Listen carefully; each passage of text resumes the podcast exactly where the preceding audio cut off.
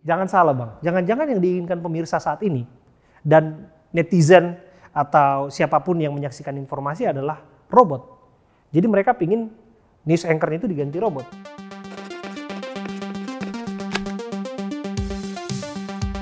Kita istirahat sekalipun, mata dan telinga kita tak, masih tetap mendengarkan informasi bang gitu loh. Dan, dan kita harus keep up dengan itu. Jangan sampai Yeah. Orang yang di luar sana lebih tahu dulu informasi dibandingkan kita sebagai seorang jurnalis. Ya, wartawan macam apa kita bang kalau kita tahunya informasi dari iya, iya. kalah kalayak umum yang lagi ngomongin satu isu. Tapi ini menarik juga sih Bea, karena eh, gini, di satu sisi ketika kita harus membuat berita, membuat berita itu melibatkan hati nurani juga. Persis. Dan kita ada judgement kan. Iya. Kita harus lihat benar nggak ini seperti ini Iya. kejadiannya. Karena kan kita nggak ada di situ tempat, nggak ada di lokasi peristiwa, Iya. nggak ada di TKP. Sehingga kita hanya berdasarkan dari orang yang memang eh, meliput berita itu pertama kali, yaitu kontributor misalnya. Iya. Ini contoh yang jarak jauh ya. Kita kan juga harus mem- membuat judgement tersendiri sehingga jangan sampai terjadi kesalahan dalam Iya. pemberitaan.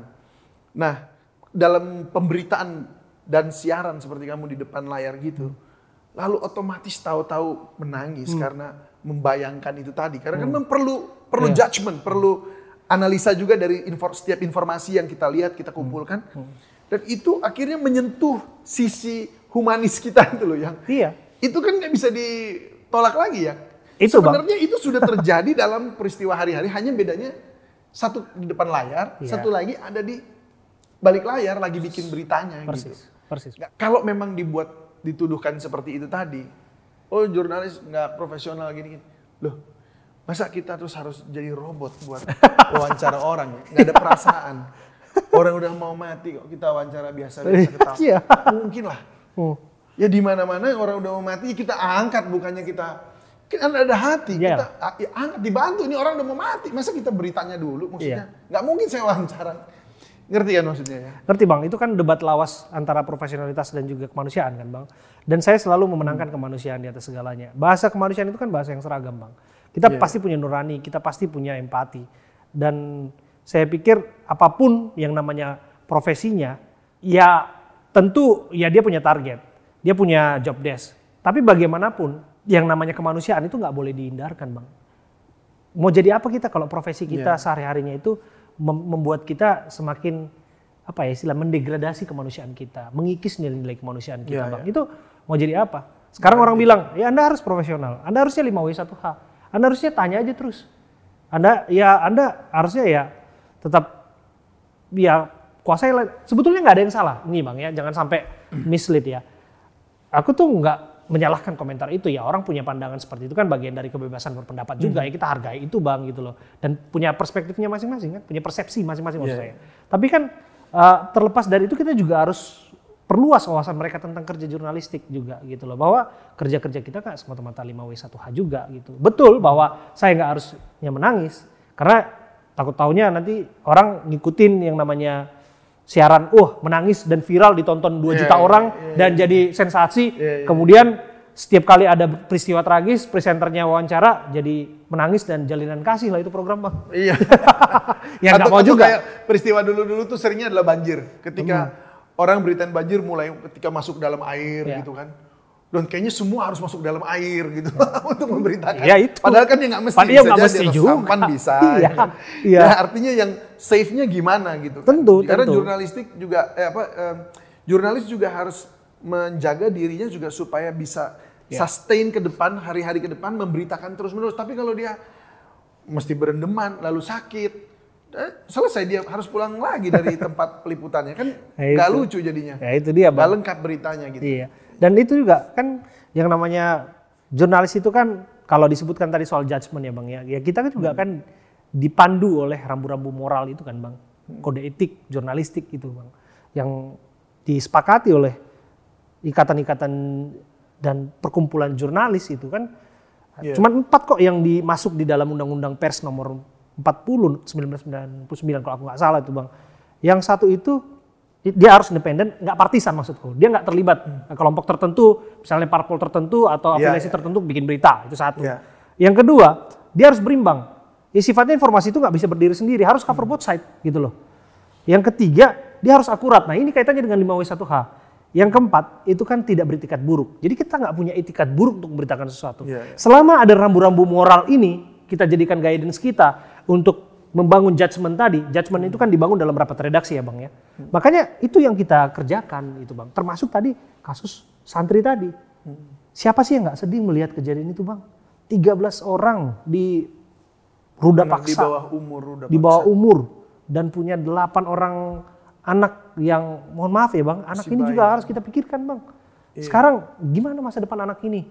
Orang tuanya masih menempuh pendidikan, nggak punya uang, dan anak ini sampai sekarang kan nggak punya akta, akta kelahiran karena dia kan nggak menikah. Iya. Dia kan nggak menikah, dia anak mohon maaf di luar nikah bang. Anak dalam tanda kutip orang bisa hujat anak haram. Tapi Iya. faktanya dia juga nanti akan pendapat pendidikan. Mau dapat pendidikan harus melampirkan itu kan, mau sekolah, kemudian juga mau dapat uh, tunjang apa uh, jaminan kesehatan dan lain sebagainya. Sampai dia gede kan juga harus punya itu. Gimana? Pemerintah mau kasih nggak sertifikat buat mereka? Untunglah kemarin Pak Jokowi kan bilang bahwa tindak setegas-tegasnya pelaku. Kemudian uh, Pak Jokowi juga bilang bahwa hak anak itu juga harus dijaga. Nah ini harus kita kita promote juga sebagai seorang jurnalis bang. Iya. Kita bisa aja gembar-gemborkan ini menjadi berita yang vulgar dalam tanda kutip itu benar tadi bang. Misalnya kita wawancara korban, kita biarkan dia bersaksi dengan menangis-nangis dan lain sebagainya. Tapi kan nggak boleh. Rambu-rambu kita kan melindungi Anak mereka sebagai umur korban. nggak boleh Nggak kita boleh. tampilkan. Nggak boleh. Nah, kita kan punya tanggung jawab moral untuk melindungi korban kekerasan seksual juga. Iya. Makanya ya seorang seorang jurnalis yang mengerti itu ya melakukan kewajibannya, termasuk dalam tanda kutip mengadvokasi hak mereka. Oke, pelaku dihukum. Terus gimana anaknya? Sekarang kita harus pertanyakan gimana anaknya keadaannya nanti kalau dia udah besar, gimana sertifikasi mereka, Kan kita gimana mesti pelayanan angkat mereka? itu terus juga supaya uh, Harus. ada yang bertanggung jawab Harus bang. atas hidup mereka gitu Nah kan. sekarang pakai rasa nggak bikin itu bang? Ya pakailah. Ya itu. Dan itu untuk memikirkan supaya mereka mendapatkan Hmm. gini. Mendapatkan pemikiran bahwa supaya mereka bisa mendapatkan masa depan yang baik saja situ sudah melibatkan perasaan. ya. itu bang. Udah itu kan bukan robot yang mikir begitu. itu bang makanya ketika dihujat jurnalisme nggak boleh pakai rasa nggak boleh eh, pakai empati nggak boleh terlalu tenggelam emosional dalam satu berita yang dimaksud lah gimana maksudnya kita kan mengadvokasi keadilan untuk masyarakat gitu loh kan tugas pers itu kan sudah jelas dalam undang-undang pers itu 1999 itu bahwa disebutkan tugas pers informatif edukatif hiburan kemudian eh, dia juga sebagai kontrol sosial termasuk eh, ya laba lah karena sifatnya kan PT. Tapi kontrol sosial ini kan kita jembatan, jembatan relasi konflik antara pemerintah dan juga rakyatnya. Kita meng- kita mengawasi yang sifatnya eh, iklim demokrasi berjalan sebagaimana mestinya, tidak ada kejahatan kemanusiaan termasuk di dalamnya. Nah ini kan bagian dari itu sebetulnya bang. Jangan sampai bahwa anak-anak terlantar ini dia menjadi korban yang mana hak-hak kemanusiaannya itu terlantar begitu aja. Dan jurnalis melihat itu sebagai peran kontrol sosial itu. Gimana kita mau membentuk suatu produk jurnalistik yang bagus, yang utuh, yang mengadvokasi keadilan kalau kita nggak bisa mengecap rasa ketidakadilan bang. Justru dari situ Iya. kan. Contoh, harga sembako naik. Misalnya katakanlah harga beras yang tadinya 3 kilo itu 100 ribu masih dapat. Tiba-tiba cuma satu kilo dapatnya 100 ribu. Ibu-ibu kan di rumah berteriak. Dan jurnalis kan dengar itu teriakan Iya, itu. iya. Dan makanya jurnalis masuk dalam suasana kritik ibu-ibu itu dan dia lihat mengapa harus naik harga ini. Kenapa tidak bisa yang tadinya 3 kilo sekarang justru satu kilo. Nah justru karena mereka bisa mengecap rasa ketidakadilan terlebih dahulu maka bisa memberitakan mengadvokasi keadilan untuk masyarakat. Pers itu kan kita ingat itu juga kan artinya membutuhkan di sini ada empati, ada Persis. kepedulian. persis. Itu artinya juga melibatkan perasaan. Ya. kan? Iya itu dia. Kalau kita nggak ada perasaan, ya udah emang kenapa tuh cabai emang lanina mau apa? Bang, ya ya. kan, misalnya misalnya Iya, nih, maksudnya nggak bisa panen. Kalau kita robot kayak begitu, tapi kan ini masalahnya kita peduli. Itu dia. Gimana supaya pemerintah, stakeholder semuanya itu berturun dia. tangan untuk membantu menangani harga ini. Gitu. Jangan salah bang, jangan-jangan yang diinginkan pemirsa saat ini dan netizen atau siapa pun yang menyaksikan informasi Hmm. adalah robot. Jadi mereka pingin news anchor itu diganti robot. Seperti yang terjadi di China kan, dua tahun yang lalu dikembangkan. Iya, ada- ada Artificial intelligence. Ada tiga orang, memang beda ya, kecerdasan buatan dengan robot. Tapi kan prinsipnya ke program, sama. Jadi Iya. sesuatu yang diprogram menggantikan news anchor kerja kita ini bang di layar dan Iya. dia ya menyebarluaskan informasi yang sifatnya mengenai rasa keadilan di masyarakat, rasa terhadap kejadian uh, sosial yang terjadi di tengah-tengah publik, orang yang mohon maaf figur yang menyebarluaskannya, membacakan informasi adalah artificial intelligence. Gimana bang? Jangan-jangan ini yang mau kita kampanyekan terus ya. Ini kekhawatiran kita bang, mengikis nilai-nilai kemanusiaan. Belum lagi kita cerita peran pers atau peran TV sekarang yang banyak menyebarluaskan informasi kriminal bang. Kriminal itu kan ngeri sebetulnya bang. Kalau kita pikir-pikir, Antara ini memberitakan untuk menyoroti itu supaya ditangani segera atau antara memberi contoh jadinya atau inspirasi kepada yang lain gitu Iya. kan bisa antara dua itu jadi jadi dua sisi gitu kayak pisau gitu kan jadinya. fakta sebetulnya bahwa orang itu yang menonton uh, televisi itu lebih suka berita-berita yang kriminal. Makanya banyak stasiun televisi yang punya program sendiri khusus slot kriminal. Bisa 30 menit sampai satu jam. Dan biasanya ratingnya pun tinggi bang. Termasuk bahasan-bahasan buletin harian itu pun yang banyak banyak uh, mendapatkan perhatian publik itu adalah kriminal. Kita bisa bayangkan yang namanya kejahatan kita sebarluaskan setiap hari. Kita ceritakan bagaimana modusnya dijalankan. Kita ceritakan bagaimana pencurian dilakukan uh, dengan mudah oleh seseorang. Pemerkosaan dilakukan terhadap anak-anak. Kita bikin grafis kronologinya dan orang tua yang menonton itu kalau ada di situ anak-anak kalau tiba-tiba orang tuanya nggak ada dia ikuti informasi itu. Oh ternyata begini caranya. Secara nggak langsung dia bisa contoh. Jadi kita juga ada dalam dilema sebetulnya. Jangan-jangan peran pers menjadi terdistorsi gitu loh. Peran industri televisi menjadi terdistorsi. Oke dia cari rating untuk laba tapi di sisi lain dia melupakan bahwa ada nilai-nilai yang dia sebarluaskan yang secara langsung mempengaruhi publik. Tentu lah bang, itu pasti mempengaruhi publik kan. Eh, Cara-cara kejahatan disebarluaskan seperti itu, orang bisa mencontoh. Makanya aku nggak tahu kalau bang David. Kalau aku sih punya tekad kalau anakku besar nanti aku akan batasi untuk menonton televisi, utamanya berita-berita kriminal. Gitu. Masa sih sejahat itu sekarang manusia bang? Sejahat itu orang punya kelakuan, iya betul, memang jahat banget yang dilakukan oleh si ustadz itu ataupun uh, si pengurus pesantren itu. Tapi kalau kita reka ulang kejadian itu benar-benar detail, mo mohon maaf ya bang, ya di mana dilakukan itu, di kamar mana, di hotel mana, bagaimana dia membuka bajunya, bagaimana dia memperdaya anak itu, gila. Ini sama aja kita mengeksploitasi anak itu satu, terus yang kedua sama aja kita kayak membuka cakrawala pikiran orang untuk ke arah situ. Oh ternyata ada kesempatan untuk melakukan kejahatan di tempat-tempat tertutup yang orang nggak bisa tahu. Ternyata ada skema kejahatan bahwa kalau anaknya lahir dipiara rame-rame, ternyata bisa dapat bansos ratusan juta untuk bisa hidup. Nah, itu kan jadi contoh. inspirasi lagi nanti. Iya, Bang. Jadi Kita mau jadi apa? Ya itu tadi kayak kayak pedang bermata dua ya. Yang di Hmm. satu sisi adalah eh, untuk apa namanya hak untuk mendapatkan informasi eh, masyarakat untuk tahu juga. Iya. Tapi di satu sisi juga ini bisa jadi inspirasi buat orang melakukan kejahatan yang serupa. Iya. Dan di tempat-tempat yang memang belum terjangkau misalnya nggak ketahuan lagi gitu. Kan ini semua tersembunyi sampai Hmm. Iya. udah bertahun-tahun baru baru baru ketahuan kan. Tentu. Itu sebabnya peran kita sebagai eh, jurnalis ini juga sangat diperlukan dan kebijakan dari eh, jurnalistik itu sendiri artinya eh, instansi eh, instansi eh, media gitu ya. Itu semua juga harus mengikuti aturan-aturan yang berlaku seharusnya. Kan kalau nggak salah untuk tayangan-tayangan kriminal itu sudah diwajibkan tayang di malam apa di agak lebih larut begitu. Ada kok yang siang, ada yang sore. Masih ada juga? Ada Masih juga ada ya? sebetulnya Masih ada bang. ya? Masih ada yang ada juga yang malam. Ya lagi-lagi gini bang, lagi-lagi di sinilah.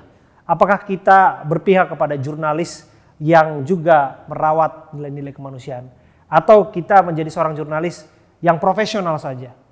Sifatnya bahwa ya udah kita lakukan aja lah kerja kita. Wah, yang penting kita lakukan ini sebagai bentuk komoditas industri televisi. Kan kita tahu jargon di TV itu bang. Bad news is a good news. It's a good community. Jadi ini komoditas yang bagus untuk bisnis kita. Apakah benar hanya semata-mata tentang itu aja? Apakah tidak ada lagi nilai-nilai kebaikan yang kita sebarluaskan? Kalaupun nggak ada nilai-nilai kebaikan yang disebarluaskan melalui berita yang kita sebarluaskan, setidaknya Bang David sebagai seorang presenter, Abraham sebagai seorang presenter, dan siapa pun jurnalis di luar sana masih tetap punya nilai-nilai kebaikan dalam dirinya ketika menginformasikan uh, tugasnya sebagai seorang jurnalis gitu bang. Right. Nah, kalau kita lihat tadi soal sharing rating bahwa Mhm. tayangan-tayangan kriminal ternyata itu menarik minat. Ini kan artinya masyarakat kita sendiri kelihatannya kok seneng ya dengan yang kayak begitu-begitu. Ya seneng lah bang.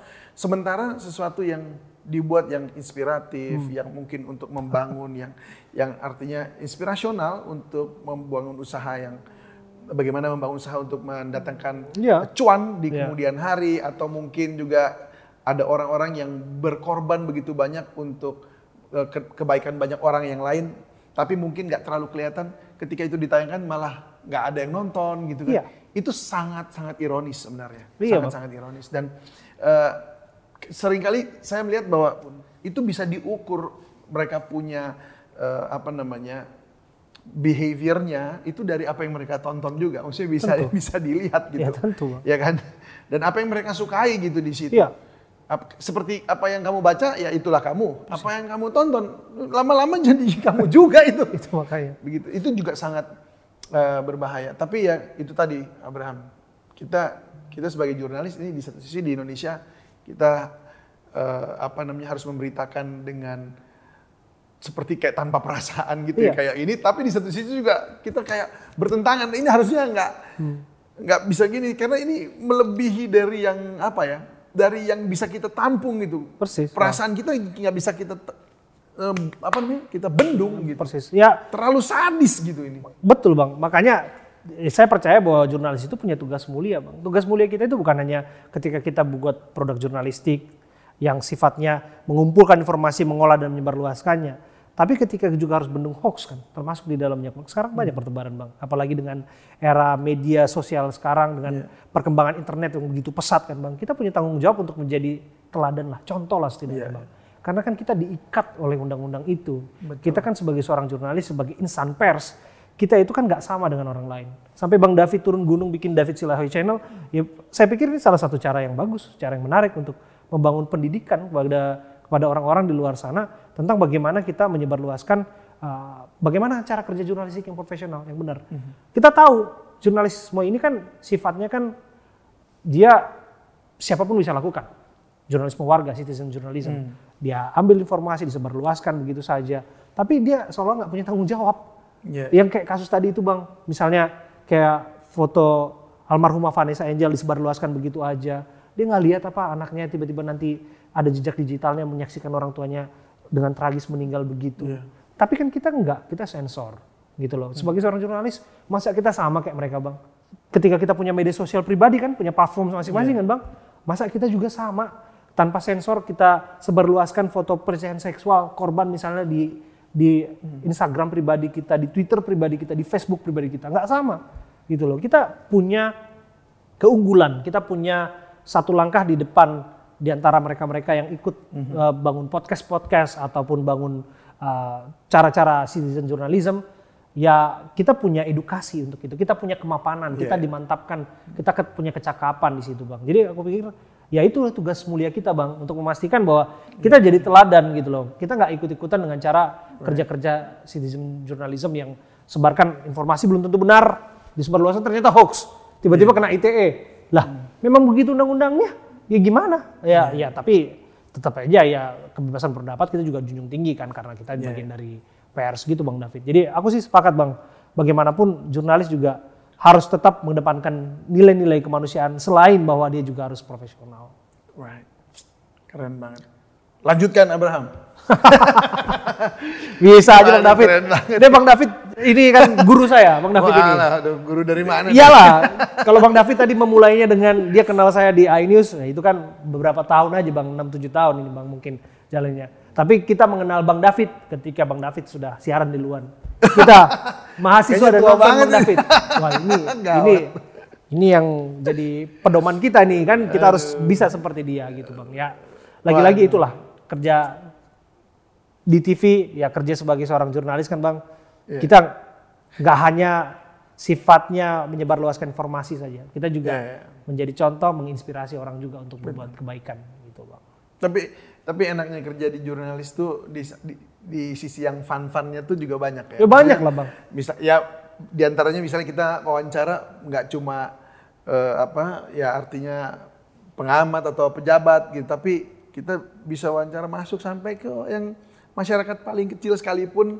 Ya di pelosok mana pun kita bisa wawancara sampai bahkan ketemu presiden juga itu adalah merupakan privilege buat kita juga ya. Ada kesempatan-kesempatan seperti itu. Dan itu yang eh, buat saya kalau sebagai seorang jurnalis itu merupakan kebahagiaan tersendiri gitu. Eh, walaupun itu hanya sebagai buat kecil aja kebahagiaannya. Karena kebahagiaan saya yang paling besar dalam jurnalistik itu adalah ketika saya bisa memberi manfaat bagi masyarakat, mereka boleh terinspirasi, mereka boleh tertolong. Kalau AB sebagai penutup AJB, apa yang kebahagiaan paling besar buat AB dalam- sebagai seorang jurnalis? Bicara kebahagiaan itu sebetulnya bicara soal kesempatan ya Bang ya. Saya ketika dikasih kesempatan sebagai seorang jurnalis itu kan kesempatan yang saya pikir nggak datang begitu aja. Karena saya nggak percaya segala sesuatu terjadi begitu saja, kebetulan nggak. Meskipun saya mulainya dengan pikiran ah ini jalan sesat bagi saya, tempat ini jalan sesat. Tapi lama kelamaan Jalan sesat. Iya bang, betul. Tapi lama kelamaan, wah, saya coba ya kayak itu, kayak lagi ada meme sekarang kan. Saya coba pertama nggak enak, saya coba makin enak, oh makin begitu makin enak gitu.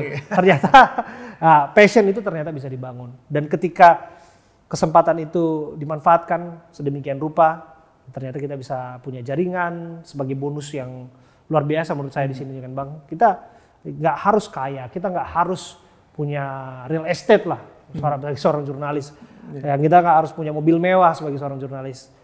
Ya sebagai seorang jurnalis tapi kita punya koneksi yang mewah. Iya dah. Kayak Bang David bisa bertemu dengan Pak SBY kan saya tahu Bang David ini lama kan uh, nongkrong di istana ketika Pak SBY yang jadi presiden dan itu kan jarang kesempatan Bang ngobrol begitu kan dan Iya. kita juga bisa ketemu dengan masyarakat yang membutuhkan bantuan kita gitu dan Iya. itu prinsip saya sebagai seorang jurnalis bahwa seharusnya memang seorang jurnalis itu memberikan ruang, memberikan kesempatan bagi orang yang tidak punya kesempatan untuk bersuara. Dan kita punya kewajiban untuk merawat demokrasi dan menjunjung tinggi nilai-nilai kemanusiaan. Ini itu aja bang. Yes, luar biasa AB. Thank you so much udah Aku yang thank you, datang ke Bang. tempat ini. Dan teman-teman jangan lupa AB ini atau Abraham Silaban itu punya YouTube channel sendiri Aduh, dia. thank you dipromot. YouTube YouTube channelnya namanya Abraham Silaban. Abraham Silaban TV. Oh udah tambah lagi nih? Tambah TV -nya. Belakangnya ada TV. Oke. Abraham Silaban TV. Ah, ya. Wah itu udah kalau mau bicara soal politik tuh ada di situ semua tuh. di situ udah ada sam- sama Bang Hotman, ada sama siapa Bang? Yos terakhir, Bang. Bang Yos terakhir ya. Terakhir dengan Bang Yos. Ngobrol juga. Wah itu keren. Boleh disaksikan di Abraham Silaban. Thank you, thank you Bang David, thank you Bang David. Ada IG?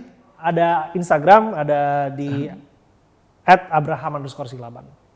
At Abraham underscore, underscore Silaban. Yes. Jadi bisa sharing di situ juga, tanya-tanya apa pun bisa mari uh, bergabung. Langsung aja subscribe di YouTube-nya dan juga follow di Thank you. IG-nya. Bang David. Mantap ya. Dan jangan lupa untuk juga subscribe nih di David Silaw YouTube channel dan pencet notifikasinya yaitu yang lambangnya lonceng itu untuk mendapatkan informasi video-video terbaru dari kami. Sampai jumpa.